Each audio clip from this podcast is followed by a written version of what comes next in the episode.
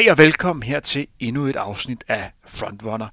Det vi skal have fokus på nu her, det er, at vi skal kigge lidt frem mod de løb, der bliver afviklet her i weekenden. Nærmere sagt lørdag den 30. november og søndag den 1. december. For det er sådan, at der bliver afviklet nogle rigtig spændende løb i Japan og Spanien. Vi har i dag valgt at tage udgangspunkt i tre løber, fordi vi synes, det er, er interessant. Vi skal primært snakke om danske Abdul der i Japan prøver at klare det danske OL-krav, som lyder på 2.11.30. Så skal vi have fokus på norske Sondermoen, en løber, som jeg snakker en del om her i, i Frontrunner Regi. Han brød jo rigtig igennem i 2017, hvor han i selv samme løb, som Abdib skal løbe i, formåede at sætte europæisk rekord på maraton med den lejlighed, hvor han løb imponerende øh, 2 timer, 5 minutter og 48 sekunder. Siden den dag har han faktisk ikke gennemført et maraton, så det bliver spændende at se, hvor han, hvor han står her. I et skarfelt i Valencia, Udover maraton bliver der afviklet et 10 km løb, hvor Joshua Cheptegei skal prøve at sætte verdenskort på 10 km landevej. En verdensrekord, som lyder på 26 minutter og 46 sekunder. Dagens vært er Henrik Thiem, og jeg har inviteret Mads Tersbøl med. Tak skal du have. Mads, skal vi ikke bare gå i gang? Det synes jeg i hvert fald. Jeg har forberedt øh, tre øh, spørgsmål til dig, hvor du bare øh, skal svare ganske nemt på det, inden vi går i gang med øh, de hovedordnede emner. Spændende. Kan Abdi kvalificere sig til OL på ja. søndag? Ja, det kan Sætter Cheptegei verdenskort på 10 km landevej på søndag? Det bliver også et ja. Løber Sondermoen hurtigere end 205.47? Han løber hurtigere end 205.47, han tager Mo Farahs europarekord. Det er tre jæger. Det kan, det kan jeg godt lide. Vi går i gang med, med Abdi. Abdi møder frem med en personlig kort, som lyder på øh, 2 timer, 14 minutter og 3 sekunder, som man satte i forbindelse med Hamburg Marathon i 2016. Hvis vi går ind og kigger på hans sæson i, i 2019, så står han med en årsbedste på halvmarathon på 1.301, og så har han løbet en 10 km landevej på lige under 29 minutter, nærmere bestemt 28 minutter og 58 sekunder. Han viste glimrende form ved imitageløbet, hvor han løb på lige over 59 minutter, hans næst hurtigste tid ved øh, det løb. Hvorfor skal vi tro på, at Abdi løber hurtigere end 2.11.30 på søndag? Ja, vi skal tro på det først og fremmest, fordi Abdi har været 2 OL før. Han ved, hvad OL er for noget. Selvfølgelig er OL-kravet blevet skærpet en del i forhold til, hvad det hed i 2016 og hvad det hed før endda. Nu hedder det som sagt 2.11.30, og det er, det er noget hurtigere end det tidligere krav, men hvis vi ser på Abdi sådan kort sagt 2019, så havde han en, en lidt kedelig start på året. Det gik ikke sådan særlig godt. Det var ikke den Abdi, vi er vant til at se. Abdi tog så overlov her frem mod, mod OL faktisk i Tokyo. Han håber selvfølgelig at kvalificere sig. Det vil sige, at de sidste par måneder han har fuldt ud fokus på 100% at kunne koncentrere sig omkring træning, søvn, kost og hvad en elitløber ellers skal gøre. Vi har set, at Abdi han er begyndt at præstere markant bedre, som du selv nævnte med hans, hans tiger i Berlin, imitageløbet. Og så snakker jeg en del med Abdi, og han har fortalt mig omkring nogle, jeg vil sige, det er nok nogle af hans bedste træningsture, jeg nogensinde har set. Den, ikke bare de enkelte pas, han har løbet, men mængden af hårde øhm, kvalitetspas på relativt kort tid. Altså densiteten af kvalitetstræning har været meget stor. Og det skal vi høre mere om øh, lidt senere. Nu vil jeg gerne vende spørgsmål om. Hvorfor skal vi ikke tro på, at Abdi klar OL-kravet? Først og fremmest skal man sige, at hver gang man skal sætte PA, så skal man præstere noget bedre, end man før har præsteret. Så er der det faktum, at øh, Abdi skal løbe i Japan. Han har ikke løbet der før. Han er lige kommet fra, fra Kenya. Han landede for cirka, det bliver cirka en uges tid, han har været i Japan, inden han kom fra Kenya. Og nogle gange skal man lige omstille sig til en ny kultur og en ny tidszone osv. Så er der sådan det rent løbsmæssige, uanset om det var Japan eller Berlin eller København. Det er, hvis nu at Abdi, han, øh, han i sit hoved tror, han kan løbe markant stærkere end 2.11.30, så tænker han også, at han vil ligge stærkere ud. Hvis nu han vælger at gå med frontgruppen eller anden gruppe, og de ligger ud, skal vi sige 64.00. Jeg håber og tror, at Abdi vil kunne klare det, men en maraton, der kan ske meget, det kan føles godt ind til 30, og bang, så rammer man den her berømte mur. Og det kan så gøre, at selvom Abdi ligger til at løbe, skal vi sige 209, at han så måske dør og kommer ind i, nu siger jeg bare en eller anden tid, 212. Det er jo sådan, at vi har på vores Instagram Frontrunner-side, hvis I ikke følger den, så gå ind og gør det nu her på, på Instagram, har vi lavet en afstemning om, hvor folk kan stemme på, om Abdi løber under 2.11.30. Og lige nu her, på optagelsestidspunktet, øh, kvarter i, i 6, fredag den 29. november, så er der 80 procent af de adspurgte, der rent faktisk tror, at Abdi løber under 2.11.30 der er jo altid mange, som, øh, som håber det, det bedste, især for, for løber, de kender. Men er der virkelig 80% chance for, at han under 2.11.30? Altså, jeg er jo måske lidt farvet, fordi jeg er gode kammerater med Abdi, men, men jeg tror objektivt på, at med den træning, han har fortalt mig om de seneste 3, 4, 5 uger, så ser det virkelig positivt ud. Hvis vi antager, at han løber et, et klogt, veldisciplineret løb, og kroppen ellers har det okay, så, så tror jeg 100% på, at han klarer det. Hvis vi har fokus på, på det valg at, at løbe i øh, Japan, Kvalifikationen til OL er jo lidt mere kringlet, end det har været øh, øh tidligere. Tidligere var OL grad 2 øh, 15, øh, 15. Det var det, Abdi kvalificerede sig på øh, til OL i, i Rio de Janeiro. Og nu har man så valgt at øge OL-kravet betydeligt. Man havde også snakket om, at det var muligt at komme med i forhold til en rangliste-system, hvor der var udvalgte løb, som, som gav lidt flere point. Status er bare, at der bliver løbet rigtig stærkt rundt omkring i, i verden øh, lige nu. Så det ser ud som om, at den der rangliste slet ikke kommer i spil. Øh, så, så hvis man gerne vil til OL, så skal man altså under 2.11.30. Som maratonløber har man ikke særlig mange skud øh, i bøssen. Man skal være, man skal være klar, øh, når det gælder. Kan man argumentere for, at det her det er Abdis vigtigste løb i karrieren? Det vil jeg et eller andet sted sige, ja. Der kommer vigtigere løb, men indtil nu, så ja, så er det hans vigtigste. Og det er trods alt en, en løber, som har både være til VM og til OL. Kan du sætte lidt mere ord på, hvorfor det er så vigtigt for Jamen, det er super vigtigt, fordi Abdi, han har som sagt repræsenteret Danmark før til OL. Og det, han siger, han, han oplevede ved OL, var for når han oplevede presset, da han oplevede det cirkus, der er ved at til OL. Vi to ved det ikke, hvordan det er ved at OL, men man hører fra dem, der har været der første gang, at der er mange nye, mange nye indtryk, meget nye stimulus. Så det vil sige, det at have den erfaring med bagagen, det gør, at hvis han kan komme til sit andet OL her i Tokyo, så kan han 100% fokusere på at præstere. Så er det ikke så meget det der hul om hej, siger jeg i, i anførselstegn, rundt omkring det olympiske lege. Men, men også det, er, at Abdi tror på, at han er en langt stærkere løber, han var i Rio. Han har jo opholdt sig de sidste fem uger i, i Kenya, hvor han har forberedt sig til det her øh, maratonløb.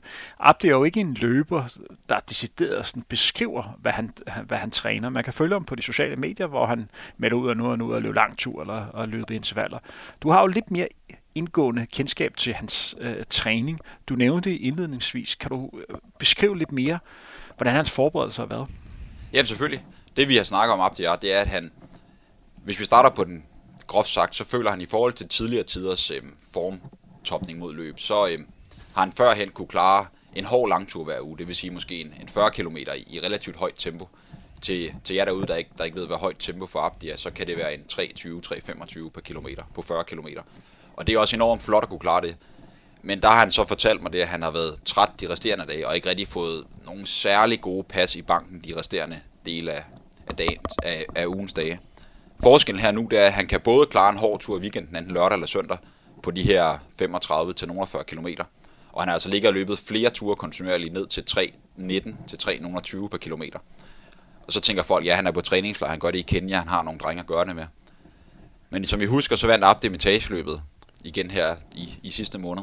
Øhm, få dage efter, der havde han et pas, der hed, så vidt jeg husker, hed det 6 gange 4 km i 3.00 per kilometer med 1 km jog. Så tog han til Berlin og løb en 10 km på, og vi snakker altså inden for en uge, på under 29 minutter. To dage efter han løb under 29, så i Slagelse, vindblæste Slagelse på en kedelig landvej, der løb han en 40 km langtur alene i 3,21 per kilometer. Og han har egentlig fortsat den her øhm, cyklus i Kenya, hvor han har haft typisk to relativt hårde pas i ugen med meget stor mængde. Han har fortalt om, det kunne være 6 gange 3 km i under 3.00. Det kunne være 4 gange 4 km i 2, 5, 56 per kilometer. Eller det kunne være mængder på op mod 5-26 km, sådan noget som 5 gange 5 km i, i 15 per 5, plus en, en hård langtur. Så han føler, at han restituerer markant bedre. Han føler sig også mere klar. Vi har jo tidligere lavet en udsendelse øh, med Abdi. Du har jo selv lavet en, en større portræt med ham, som ligger i Frontrunner-arkivet. Hvis I ikke har hørt det nu, så gå ind og find det. Øh, virkelig god udsendelse med, med Abdi. Derudover snakkede vi med ham i forbindelse med Copenhagen Half, hvor vi lidt snakkede om hans strategi øh, til løbet. Og der snakkede vi også lidt om, hvorfor han skulle løbe i Japan, og hvorfor han har valgt at, at, at tage til Japan og at løbe den ting, der slog mig, da jeg snakkede med Abdi ved den lejlighed, det er, at for Abdi, der virker det som om, han nærmest allerede var til OL, og allerede begynder at kigge frem i forhold til det at kunne præstere øh, til OL. Men vi skal alligevel vinde. Er det ikke et sats på nogen måde at vælge at tage til, til Japan? Han kunne også vælge at løbe maraton i øh, Valencia. Det er jo nogenlunde samme tidszone, som han har været i, i Kenya. Det er et løb, hvor han skal ligge og løbe mod en masse løber, som man kender i, i forvejen. Lidt mindre tidsrejse. Hvorfor det her Japan-show? Jeg er meget enig i netop de ting, du beskriver, men jeg tror også, som du siger, at, at i Abdis hoved, så er han allerede 2L, og det er måske også det, der tit beskriver gode sportsfolk, gode erhvervsfolk, folk, der i det hele taget har succes, at i hovedet, så har de allerede præsteret det, de skal, og fremme der, hvor det tæller. Så jeg tror egentlig, en af de hovedgrunde til Abdi, han har valgt øh, Japan, som han i hvert fald har fortalt, det er, at Tokyo, OL, det finder sted i Japan. Men det er ikke en chance at tage? Det er en chance at tage, men det er for at vende sig til kulturen, sådan at han allerede tænker, at det her løb, det er et løb i gåsøjne, der bare skal klares. Så når han er til OL, så ved han, hvordan det er at være i Japan. Kender kulturen. Kender Hvis vi går ind og kigger på, hvordan Abdi kommer til OL, sådan rent løbe øh, taktisk mæssigt, der er selvfølgelig også noget her, hvem han kommer til at ligge med, i hvert fald en gruppe, og hvad for en pace, der kommer til at være. Typisk når man snakker om at løbe det perfekte maratonløb, så snakker man meget om, at man skal løbe med negativ øh, split. Hvordan tror du, at det optimale løb vil være for, for Abdi for at komme under øh, kravet? Skal han løbe med øh, negativ split, eller skal han have noget at give af til sidst? Eller skal han prøve at løbe så jævnt hele vejen, eller skal han prøve at gå med en, en frontgruppe, hvis det nu er, han kan hænge på der? Ja, nu har Abdi fortalt mig lidt om, hvad han har tænkt sig at gøre, og øh, det er jo ikke nogen hemmelighed, han siger, han har OL-kravet, det er en ting, og det ved han godt, det er hurtigt, han har stor respekt for 2.11.30, men han tror, han kan løbe endnu stærkere. Så han ligger også ud i et tempo, som er noget hurtigere end 2.11.30. Det kan være, at det betyder, at han får en helt kanontid, som er langt bedre end OL-krav. Det kan også betyde, at han brænder fuldstændig sammen og kommer hjem i en tid, som om den hedder 2.11.31 eller 2.20, er sådan set irrelevant. For hvis han ikke klarer det her OL-krav, så, så er det et eller andet sted lidt spildt forsøg. Hvis han nu klarer det, så er han jo, så er han jo med til OL. Hvis han nu ikke øh, klarer det, hvad har han så tænkt sig at gøre efterfølgende? Ved du det? Jeg tror ikke, han sådan lige umiddelbart, som jeg ved, har en decideret plan B. Han har nogle tanker omkring måske at løbe et maraton i foråret, men uden at vide. Jeg tror egentlig, han mere bare vil lægge al energien i, altså hvad skal man sige, alle æggene i en skål, og så satse på, at, at han klarer den her natten til søndag. Men det ikke at være overmodig og lægge ud i et tempo, som er hurtigere end det, der rent faktisk er nødvendigt at komme til OL. Skal svaret ligge der, at Abdi han ser sig øh, som en løber, der, der er bedre end 2.11.30? Jeg tror, det netop skal ses der. Vi kender det selv. Hvis man ved, at man kan løbe hurtigere, end hvad man før har gjort, og også noget hurtigere end et eller andet kvalifikationskrav, så tænker man nogle gange, hvorfor ikke prøve at få det bedste ud af det. På den anden side, så kan det også, som du selv siger, Henrik, det kan også være et sats, specielt når det er noget så stort som de olympiske lege. Men Abdi har også fortalt, at han mener ikke, man har noget at gøre til OL, så ikke man kan løbe 2.11.00 deromkring.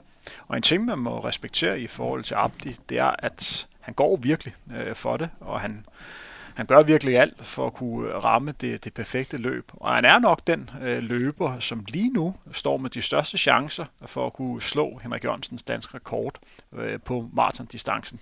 Kan du nævne en anden løber, som i princippet skulle være i stand til det, hvis det ikke skulle være Abdi, lige nu her? Ikke lige nu. Jeg tror, det kommer, men øh, ikke lige nu her, nej. En ting, vi er også nødt til at, at vinde, og der er noget, som jeg har i de her frontrunner-udsendelser har sagt, at det her ønsker jeg ikke at beskæftige mig mere med, men det bliver vi nødt til, når vi snakker Abdi og Martin, fordi det får indflydelse øh, på maratonscenen det kommende års tid, og måske også længere tid i, i fremtiden. Og det er jo Nikes Vaporfly sko. Det er jo sådan, at Abdi er sponsoreret af New Balance og er meget trofast øh, atlet, og vælger med 100% sikkerhed øh, at løbe i New Balance sko. Jeg ved, at New Balance har nogle nye sko øh, på vej, og måske er Abdi allerede den på, hvor de også har arbejdet lidt med de her carbon øh, sole. Men det kan da få en indflydelse, kan det ikke? At kravene er bygget så, øh, så markant øh, strammere, og, og så man skal løbe så markant øh, stærkere, fordi at folk bare løber stærkere i de her sko her. Det er vel noget, som Abdi skal være opmærksom på, er det ikke? Jo, men du har helt ret, at det er, der er ingen tvivl om, når kravene er skærpet sådan, så skal alle procenter også hives med.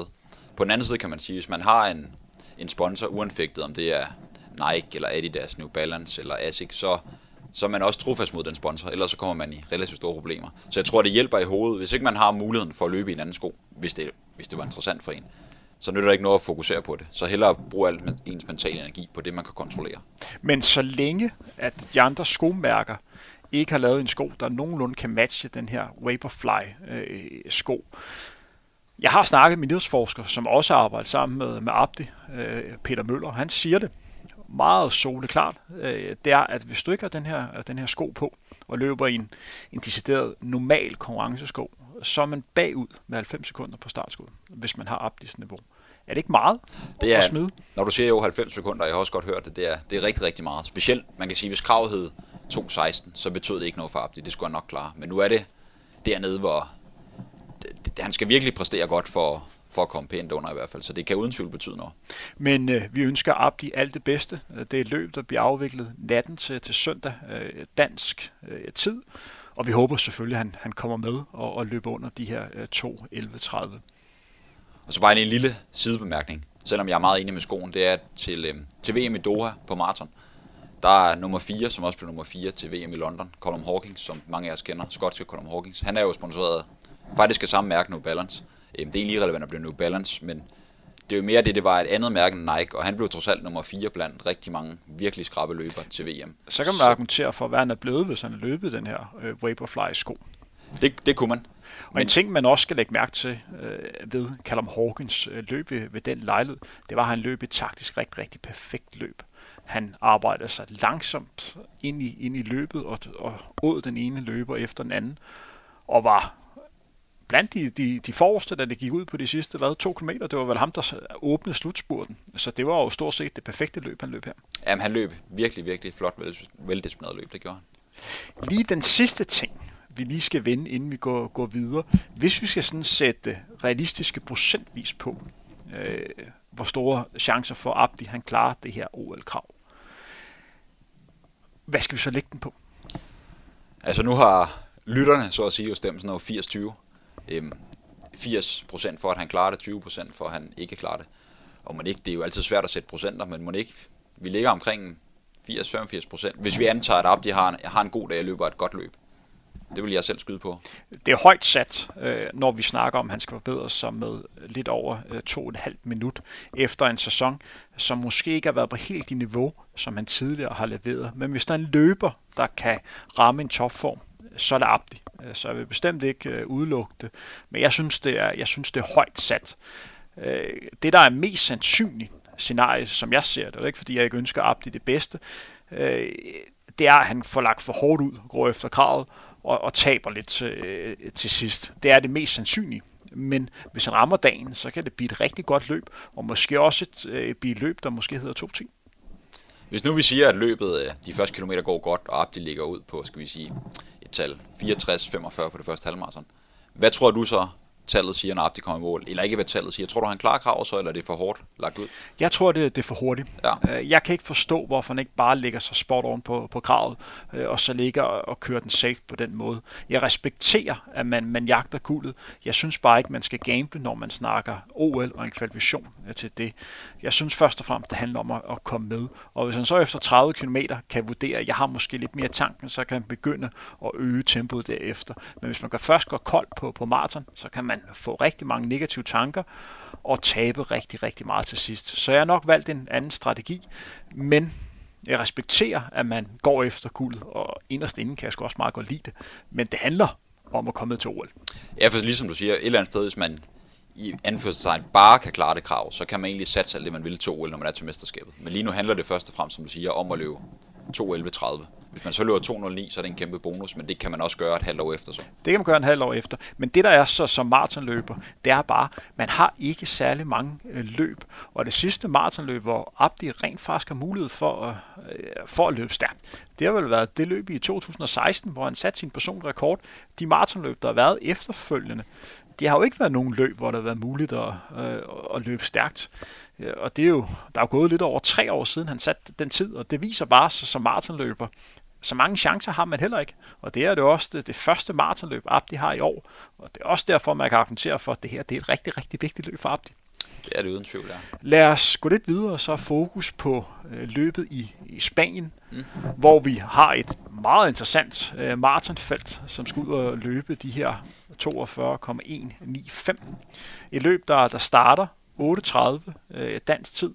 En af de løber, vi skal have fokus på, det er norske øh, Sondermoen. Sondermoen, han satte øh, ny personrekord på, på 10.000 meter. Øh, det gjorde han i, i starten af september, hvor han på hjemmebane i Norge løb imponerende 27 minutter og 24 sekunder. Derudover har han løbet øh, to løb på halvmarathon-distancen, hvor han begge gange har løbet lige over øh, timen. 20-30 sekunder fra hans øh, personlige rekord. Han har den sidste stykke tid været på højdetræningslejr i Italien. Blandt andet havde vi en reportage, som vi havde lånt fra vores norske venner for Breaking Limits, hvor de snakkede lidt om øh, uh, Sonders forberedelse. Og det, jeg kunne forstå på den, uh, den udsendelse, det var, at Sonder skulle være rigtig, rigtig godt uh, løbende.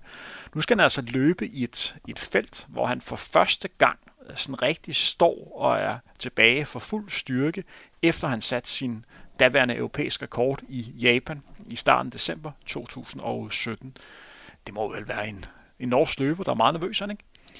Jo, eller så er det en norsk løber, som er meget sulten. Ja, det, det bliver super spændende. Som du siger, det var i 17, han satte sin rekord. Så havde Sondre en lang periode med, med skader, og så heldigvis kommet tilbage igen. Jeg tror, at, jeg tror, at Sondre kender sin krop så godt, at han, det er måske ikke så meget nervøsitet, det er mere uh, følelsen af at være, være meget spændt. Det er jo hele tiden sådan en spændingskurven. Det må ikke, man må ikke være for lidt spændt, man må heller ikke være for meget spændt, for så man bliver nervøs. Og jeg tror også, Sondre, han... uh, jeg kan huske, at vi snakkede med ham tilbage ved Copenhagen Half, der virker han sådan helt i, i send, helt meditativ. Det var en mand, som virkelig stolede på sig selv. Og jeg tror, han går ind til Valencia med en, med en sult næsten større end nogensinde før, fordi nu har han indset, han ved, hans ben, hans krop, hans hjerte kan klare at løbe så stærkt. Han satte den europæiske rekord, så kom Mo Farah og tog den. Så nu ved han også, at det er muligt at komme ned og løbe de tider, og også endnu stærkere. Men hvis du skulle sætte dig ind i, i Sonders hoved, og det er jo altid svært, når man skal gøre det på, på en anden øh, løber. Men hvis du tager udgangspunkt i der, hvor Sonder står lige nu her, ser du dig som en løber, der har alt at vinde på søndag, eller har han alt at tabe? Eller et sted midt imellem? Ja, den er, den er svær. Man kan sige, at han har jo meldt ud, at han går efter Europarekorden. Det er også blevet meldt ud, jeg, jeg er ikke sikker på, at Sondre har sagt det, men i hvert fald hvis man er fuldt med på norske medier, at målet er at komme under 2.05. Og man kan sige, skal vi under 2.05 ned og snakke 2.04, så går det altså rigtig, rigtig stærkt. Så begynder vi altså at nærme os blandt den hurtigste øh, procent af verdenseliten på maraton. Så man kan sige, hvis succeskriteriet er at løbe under 2.05, så, er det, så er det svært ikke at tabe. Og det er jo en Europarekord, som øh, britiske Mo Farah har. En mand, som det ved jeg ikke, om du har hørt, for du har været til, til kursus hele dagen. Han har jo meldt, at han næste år så øh, dropper han maraton, og så stiller han op på, på banen igen. Han skal løbe 10.000 meter øh, ved OL, og det er altså den forsvarende olympiske øh, mester, som vandt OL på 10.000 meter i 2012 på hjemmebane i London, og så vandt han også i Rio i 2016. Rent faktisk, så i perioden fra 2011 til 2017, tabte han ikke en, en 10.000 meter. Han har simpelthen meldt ud i dag, at han vil løbe øh, banealtik næste år. Og det kan man jo kun respekt for.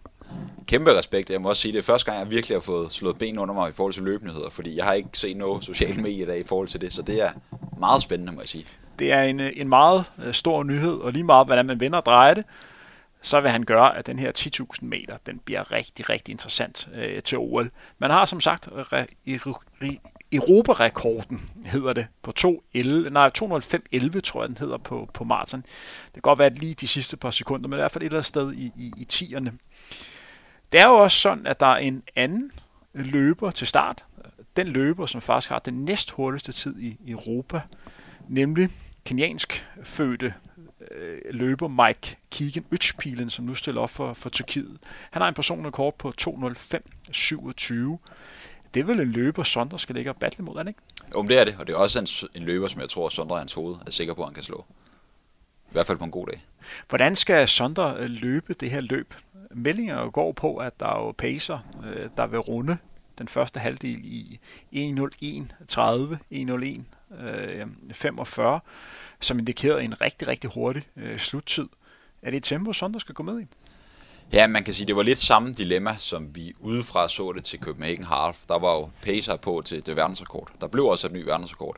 Og vi så Sondre, han, øh, han satte ikke personlig rekord. Han løb, jeg mener, han løb 60-20.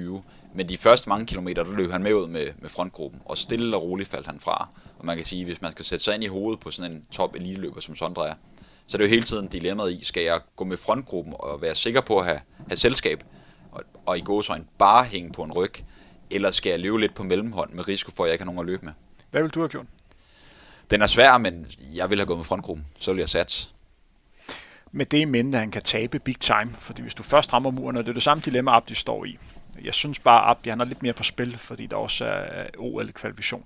Det har jo i princippet jo Sondre jo også. Han har jo han har kvalificeret sig på 10.000 meter, men hvis han gerne vil løbe maraton, så har han jo ikke kvalificeret sig øh, endnu. Så det har han jo også i spil. Men man formoder, at det er en lille smule nemmere for Sondre at klare det her 2-11-30 grav, end der for Abdi. Ja, for ligesom du siger, selv hvis Sondre går med ud i 61-30 og så dør, så kan han altså stadig løbe hjem på ja, lige præcis 1-10 på den næste halvmarathon, og så klare kravet. Det her spørgsmål skal forstås på, på en rigtig måde. Men hvor vigtigt er det, at vi har en løber som Sondre, som præsterer øh, på den absolut øh, topklasse. Han er den hurtigste ikke østafrikanske fødte løber nogensinde på, på maraton-distancen. Øh, Jeg ved godt, der var en Hall, som løb hurtigere. Han har løbet 204, men det var ved Boston Marathon, og ved, ved den lejlighed, der blæste altså en pelikan, og det hjalp ham rigtig meget de sidste 10 km. Hvor vigtigt er det, at vi har en europæisk løber helt op i front? Jeg synes, det er rigtig vigtigt. Det motiverer, personligt motiverer det mig helt vildt at se en løber, som vi to har kendt i en del år. Se, at han lige pludselig kan være med i verdenseliten. Men jeg tror også, at den næste unge generation, de løbere, som ikke er særlig gamle endnu, er i de unge teenageår, de ser, det er faktisk muligt som skandinavisk født eller vesterlands født, være helt hvid, og også have en kropsbygning som Sondre, fordi Sondre er slank, men han er mere til den muskuløse side. Men se, det er muligt at være helt op på maratonscenen. Fordi det er vel en løber, som langt de fleste danskere kan kigge op til og så se, hvis han kan præstere, så er det også muligt for os.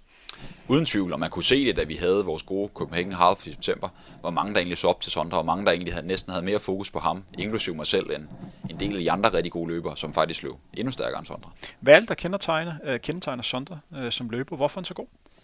Jeg tror, at Sondre formår at gøre alle ting rigtigt. Ikke bare de store ting, men alle de små ting, som huske at få spis og drukket efter træning. Husk at få det svedige tøj af, så man ikke bliver kold og lynhurtigt kommer i det varme tøj. Husk at lave alle de små, kedelige stræk og rehab-øvelser osv. Og i det hele taget leve den her munketilværelse, som Sondre gør, hvor, hvor, hvor løb det, det er alt eller intet. Er det vejen frem, hvis du gerne vil blive rigtig god? At det er, at man bliver målt på, hvor mange ting man er villig til at sætte til side? Man kan sige, at folk er forskellige, og jeg tror, at nogle løbere, de, de kan klare sig rigtig godt i den her munkelige tilværelse, hvorimod andre vil præstere på samme niveau, hvis de havde lidt mere, hvad skal man sige, kalde det, fleksibilitet i hverdagen, måske havde lidt mere spas og løjer. Jeg tror også, det var, hvilken type man er. Nogle typer er mere udadvendte, mere ekstroverte, og andre, de er lidt mere, de har det godt i deres eget selskab. Og så tror jeg måske, det er nemmere at leve den her lidt, den her munkelignende Sond- fase, ja. Sonder har været på træningslejr i Italien, hvor han i, det har næsten været i seks uger, hvor han har ligget og trænet i lidt over 2.000 meters højde igen. Vi kan høre mere om det i den uh, podcast, uh, vi sendte ud i, i sidste uge. Der har været temperaturer ned til minus 5, minus 10. Masser af sne, som han ligget og, og trænet i. Vi ved jo alle sammen, det er godt at træne i højderne. Men kan det ikke blive for koldt? Jeg tænker også, der er lige pludselig en grænse, hvor at den benefit, man får højden, det måske er, hvor vejret kan. Det kan godt være, du får højdetilpasningerne, men det kan gå ud over den daglige træning, hvis der er sharpet og is og glat, og i hele tiden bare det der led og senere bliver mere kolde. Øhm, men igen, Sonder kender sig selv, og han har en enorm skrab træner i form af Renato Canova, som, som kender stort set alle verdens bedste løbere, hvordan de træner, og jeg er sikker på, at de har taget det med i overvejelserne. Og vi har også set flere gange på sociale medierne, så de kørt andre steder hen for simpelthen at træne kvalitetspassende. Sondre øh, satte europæisk rekord ved det her uh, Fukuchu uh, maraton, uh, der hvor Abdi løber uh, natten til søndag. Hvorfor valgte Sondre ikke at løbe det igen? Ja, jeg kan ikke svare 100%, men jeg tror måske, det var for at prøve noget andet. Han kender Valencia, har løbet, sat sin PR på halvmarathon i Valencia, og i det hele taget har Valencia et rigtig godt øh, renommé i forhold til at løbe hurtigt løb, men også hvor vejret generelt er meget stabilt. Men, men kan, du, kan du se den her antagelse, at det rent faktisk kan give mere mening, hvis Abdi har løbet Valencia, og Sondre har løbet Japan? Jeg kan sagtens se, hvad du siger. Man kan sige, at Sondre kender også Japan. Abdi kender ikke Japan. Abdi kender Valencia, der har han også løbet, så jeg kan sagtens forstå dig. Men igen, jeg tror nogle gange, så må man som menneske, som atlet, så føler man sig draget til at prøve nogle, nogle nye ting. Du nævnte jo i indledningen, at du tror, at han løber hurtigere end 2.05.47, og du nævnte jo også, at han sætter europæisk rekord. Hvor hurtigt tror du, han kommer ind i? Altså, jeg har en eller anden idé om, at hvis alt spiller...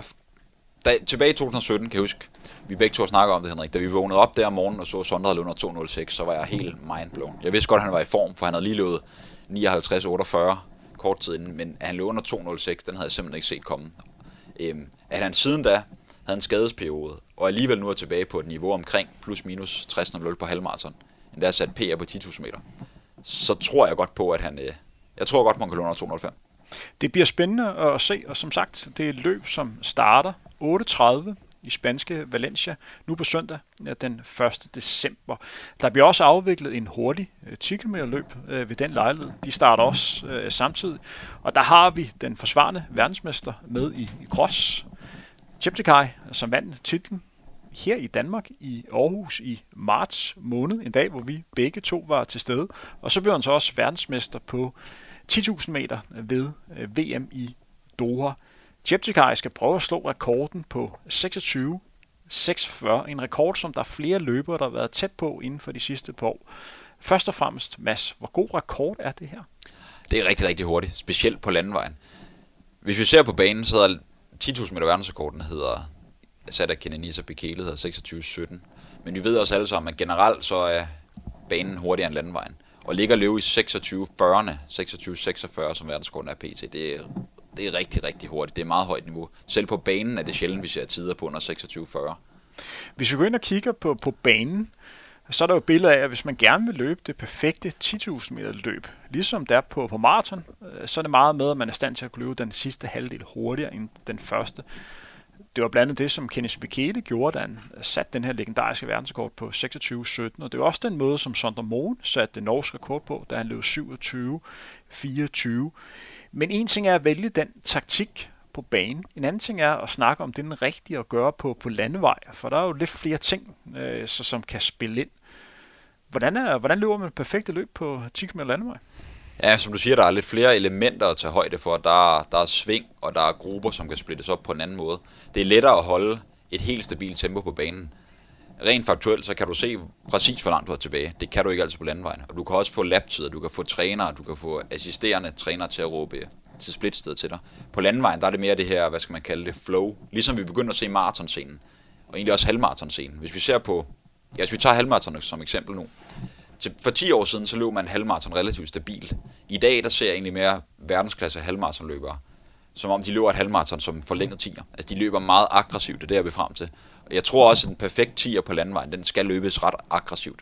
Der kan man ikke gå efter måske at sige, at jeg vil løbe 13-20 de første 5 km, og så sætter vi tempoet en smule op. Det er, det er simpelthen bare, rent logistisk er det sværere.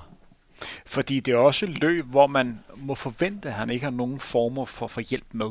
Så hvis han skal sætte verdensrekord, der er måske nogen, der er med de første par kilometer, eller så skal han gøre det stort set af sig selv. Der er jo blevet sat rigtig mange verdensrekorder her i, i 2019, og den måske mest overraskende kom her i sidste weekend, hvor der var en, en kvinde for Etiopien, en 21-årig kvinde, der løb imponerende hurtigt på 15 km distancen.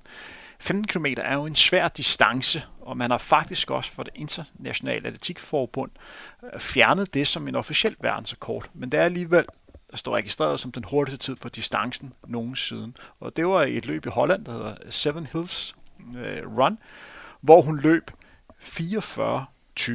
Og det er altså en rigtig, rigtig god verdensrekord øh, for, for kvinder. Og jeg går så langt at sige, at det her, det er i særklasse den bedste verdenskort, der er sat for, for kvinder i år. Med det mente er der blevet den her supertid på kvindernes maraton på 2.14.04 øh, øh ved Chicago Marathon det her, det er helt vanvittigt, for det er jo ikke givet, at en løber som Abdi ville kunne slå hende, hvis Abdi havde løbet, øh, løbet med i det her løb. Nej, det er lige man skal tage højde for. Selv for en, en rigtig god herre, så løb 44-20, endda et kuperet 15 km løb, som der i Holland. Det er vanvittigt hurtigt. At en kvinde, hun løber sub 15, sub 14-50 tre gange i streg, det, jeg var helt, øh, jeg var meget, meget overrasket. Over men, men der vil hen til med alle øh, de rekorder, vi forventer jo nærmest, at der kommer en verdenskort på søndag. Er vi ikke derhen, hvor vi bliver skuffet, hvis han ikke sætter verdensrekord? Jo, det er måske, vi skal passe på med at tænke på, jo hurtigere tiderne bliver, jo sværere bliver det også at, at sætte dem, altså sætte nye rekorder.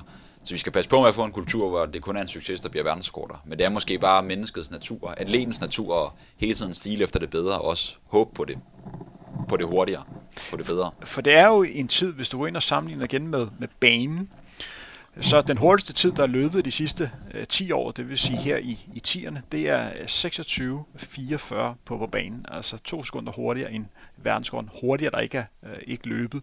Det er et par år siden, at man har været i nærheden af Kinesis Bekeles øh, verdenskort. Men hvis han rammer dagen, jeg vil da ikke blive overrasket, hvis han løber 26, nummer 30. Nej, også sådan Joshua Cheptegei, som vi kender ham, han er en, han har det her, den her indre ild. Han har sådan han der lidt positivt med en drenget fasong, hvor han bare kaster sig ud i det, uden at tænke meget nærmere over det. Vi har set ham løbe VM Cross to gange, hvor den ene gang, der brændte han fuldstændig sammen. Den anden gang, det var her i år, 31. marts i Aarhus, hvor han, hvor han ret overlegen til sidst i hvert fald vandt VM Cross. Og når vi har set ham løbe på banen, så har han den her, det her power, det her, den her indre kick til virkelig at bare give en gas. Og så en ting, vi også bliver nødt til at være opmærksom på, det er jo, at han kommer til at løbe i Vaporfly-skoen, eller måske den helt nye model, som er på trappen, den her Alphafly, som Kipchoge løb med i Wien, da han løb under to timer på, på maraton. Og det kan meget vel være en, en sko, han har på. Den er blevet lanceret i, i en ny udgave. Og igen, vi nævnte, da vi snakkede øh, om Abdi, den har jo bare effekt, så det kan sagtens være det, der er en af faktorerne på, at han kommer til at løbe en, en rigtig god tid. Til allersidst, hvor hurtigt tror han, han kommer til at løbe? Han løber, jeg håber, 26-39. Man skal lige under 26-40. Jeg tror også, han kommer til at øh, løbe øh, i det leje. Det kan sagtens være et løb, hvor han løber tæt på 26-30, og det vil være øh, fuldstændig vanvittigt hurtigt. Mads, vi har snakket i 35 minutter her. Det er som sagt var en optakt til, til weekenden store løb. Løb, som vi alle sammen synes er utrolig spændende og utrolig fascinerende. Der kan sikkert være andre ting, som vi øh, burde have snakket øh, mere om, men vi har valgt at gøre på den her måde, fordi det er det, vi synes, der, der gav den største værdi til jer lyttere. Tak til dig, Mads Tersbøl, fordi du har lyst til at være med. Det er mig, der takker.